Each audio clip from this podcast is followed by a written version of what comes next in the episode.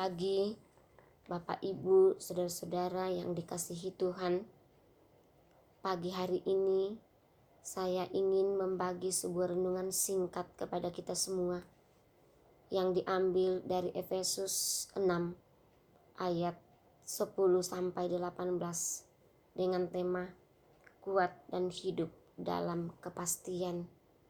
Ayat 11 berbunyi, kenakanlah seluruh perlengkapan senjata Allah, supaya kamu dapat bertahan melawan tipu muslihat iblis. Saudara-saudara, melangkah di dalam kepastian bukan berarti hidup kita tanpa masalah, tetapi kita akan mendapatkan kekuatan yang Allah sediakan untuk kita dalam menghadapi setiap masalah dan pencobaan yang ada, khususnya dalam menghadapi pandemi COVID-19.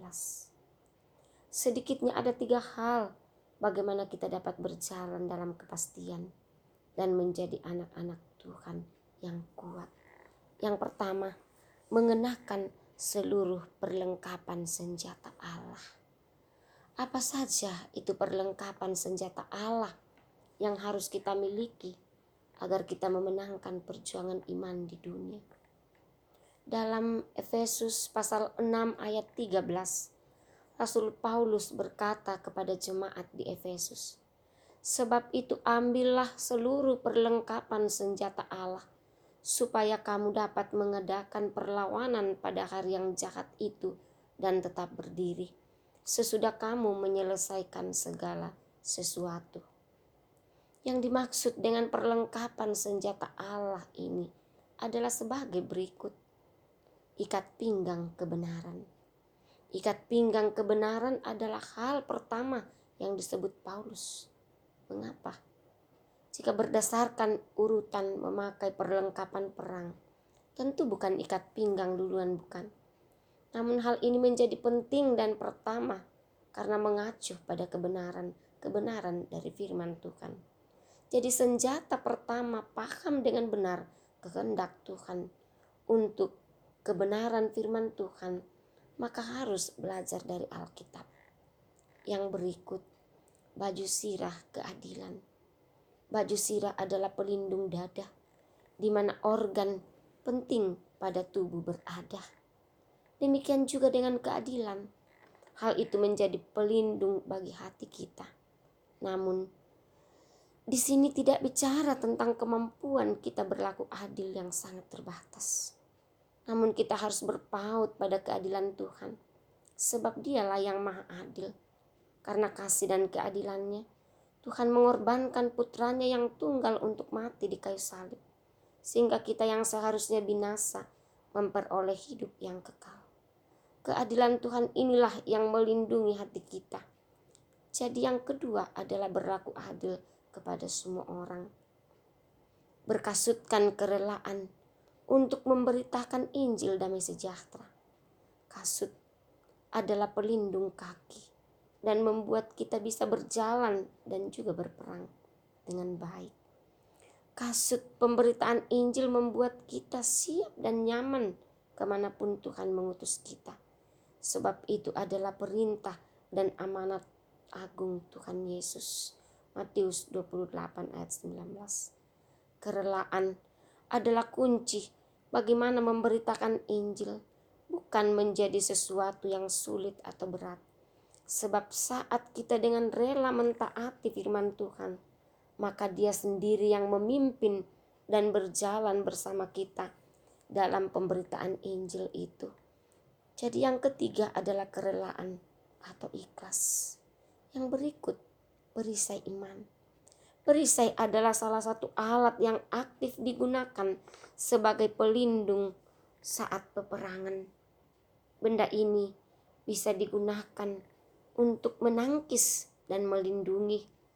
Demikian juga dengan iman kita kepada Yesus Kristus Galatia 2 ayat 20. Hal itu seperti perisai yang terbuat dari emas, sangat berharga, kuat dan penting. Perisai itu adalah iman iman kepada kemahakuasaan Allah, iman kepada Yesus Kristus, bahwa Allah sanggup melindungi dari segala bahaya. Yang berikut ketopong keselamatan. Kepala adalah bagian kritis pada tubuh manusia dan harus dilindungi. Ketopong berfungsi memberi perlindungan. Hal ini bicara tentang menjaga pikiran kita, di mana pikiran harus fokus kepada Injil keselamatan. Kisah para Rasul 4 ayatnya yang ke-12 yang memberikan harapan akan hidup kekal di dalam Yesus Kristus.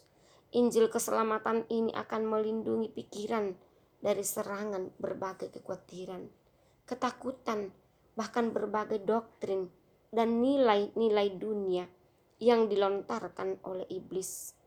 Tanpa Injil keselamatan, pikiran akan mudah diserang dan dipengaruhi oleh berbagai tipu muslihat iblis.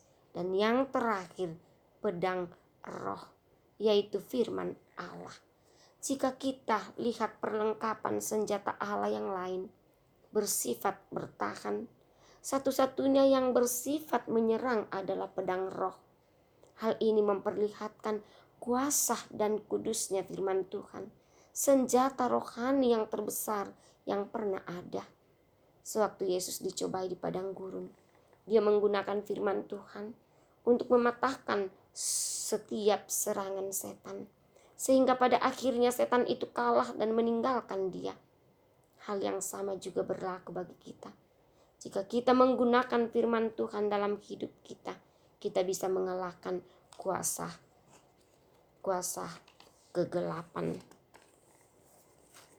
Setelah kita mengetahui ada enam senjata perlengkapan senjata Allah, maka pertanyaan selanjutnya adalah bagaimana menggunakan dan mengaktifkan.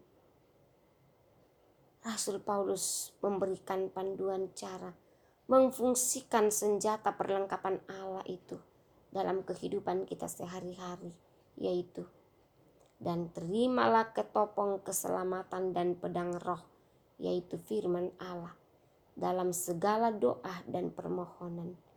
Berdoalah setiap waktu di dalam roh dan berjaga-jagalah di dalam doamu itu dengan permohonan yang tak putus-putusnya untuk segala orang kudus. Efesus 6 ayat 17 sampai 18. Jadi caranya adalah dengan berdoa di dalam Roh Kudus dan berjaga-jaga dalam doa dengan permohonan yang tak putus-putusnya. Sangat sederhana bukan?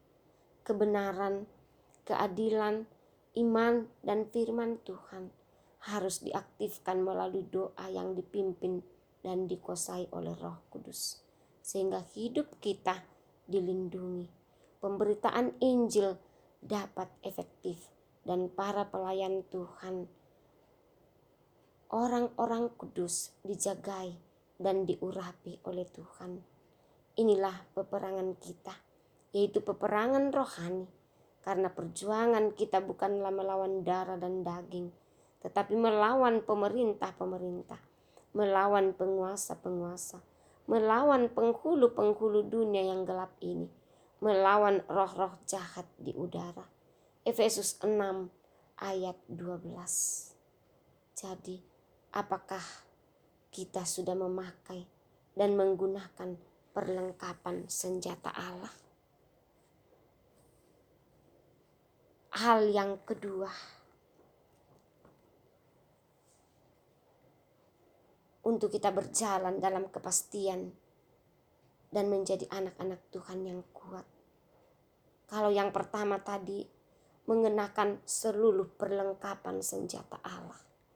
Yang kedua ialah berani berjuang. Iman adalah perjuangan. Kita berjuang untuk memuliakan Allah dengan mengandalkan kuasa yang Tuhan berikan. Jika iman yang ada pada kita bertumbuh dan menjadi kuat di dalam Tuhan, maka segala macam peperangan yang terjadi, kita akan keluar menjadi pemenang.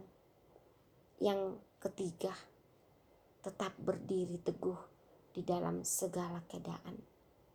Saat air mata mengalir atau sorak-sorai, saat bahagia atau pada saat apa pun juga, tetaplah untuk bersuka cita. Karena hati yang gembira adalah obat yang menganjur. Tuhan pasti menolong kita dan tidak akan pernah terlambat di dalam memberi pertolongan kepada kita. Asalkan kita tetap berdiri teguh dalam iman kepada Allah. Saudara-saudara, jadi sekarang apa pun peperangan yang ada, kita akan keluar menjadi pemenang. Karena kita tahu bahwa kita sudah diperlengkapi dengan senjata Allah. Memiliki iman yang kuat dan siaga selalu di dalam segala keadaan. Untuk itu, tetaplah pertahankan dan maksimalkan apa yang Allah sudah berikan kepada kita. Selamat beraktivitas. Salam sehat. Tuhan Yesus memberkati.